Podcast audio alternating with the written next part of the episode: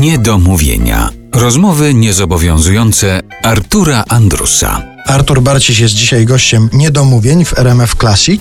Poruszyliśmy bardzo niezobowiązujące tematy i jeszcze niezobowiązujące będą się pojawiały. Nawiązując do twojej krótkiej pracy w tej restauracji w Stuttgarcie, chciałem zapytać, czy tylko aktorstwo, reżyseria, coś związane z teatrem, filmem, czy były jeszcze jakieś inne takie etapy w twoim życiu, kiedy w jakiś inny sposób, gdzie indziej zarabiałeś na życie?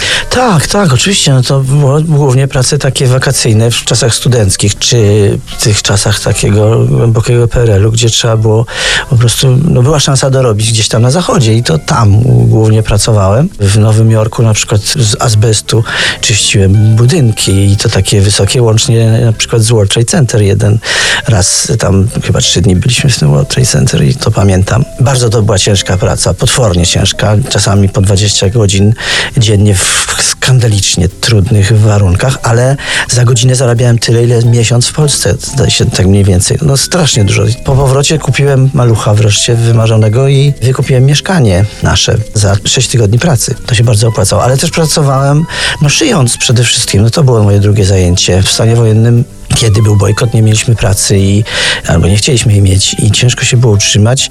Już był mały Franek, więc już miałem rodzinę, musiałem ją utrzymać i wróciłem do swojego takiej umiejętności, czyli szycia. Kupowałem stare swetry na bazarach od takich babci tam różnych za 5 złotych, sfilcowane, różnokolorowe, o różnych fakturach. Prałem to oczywiście, ciąłem na różne kawałki i z tych kawałków układałem różne mozaiki, różne takie patchworkowate tuniki, takie sukienki, właściwie czasem taki rodzaj płaszcza. I to zszywałem czarną tasiemką, więc to wyglądało tak trochę jak u Piet Mondriana, na przykład takie mm, różne wzory. I to bardzo się dobrze sprzedawało. Budżet operowałem właśnie w ten sposób.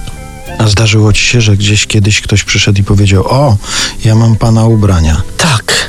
Kiedyś spotkałem panią Danutę Piątek, wtedy polska bizneswoman, która na aukcji jakiejś dobroczynnej kupiła mój płaszcz, który tam wystawiłem. I przy jakiejś okazji się spotkaliśmy i powiedziała, że była w nim dwa razy.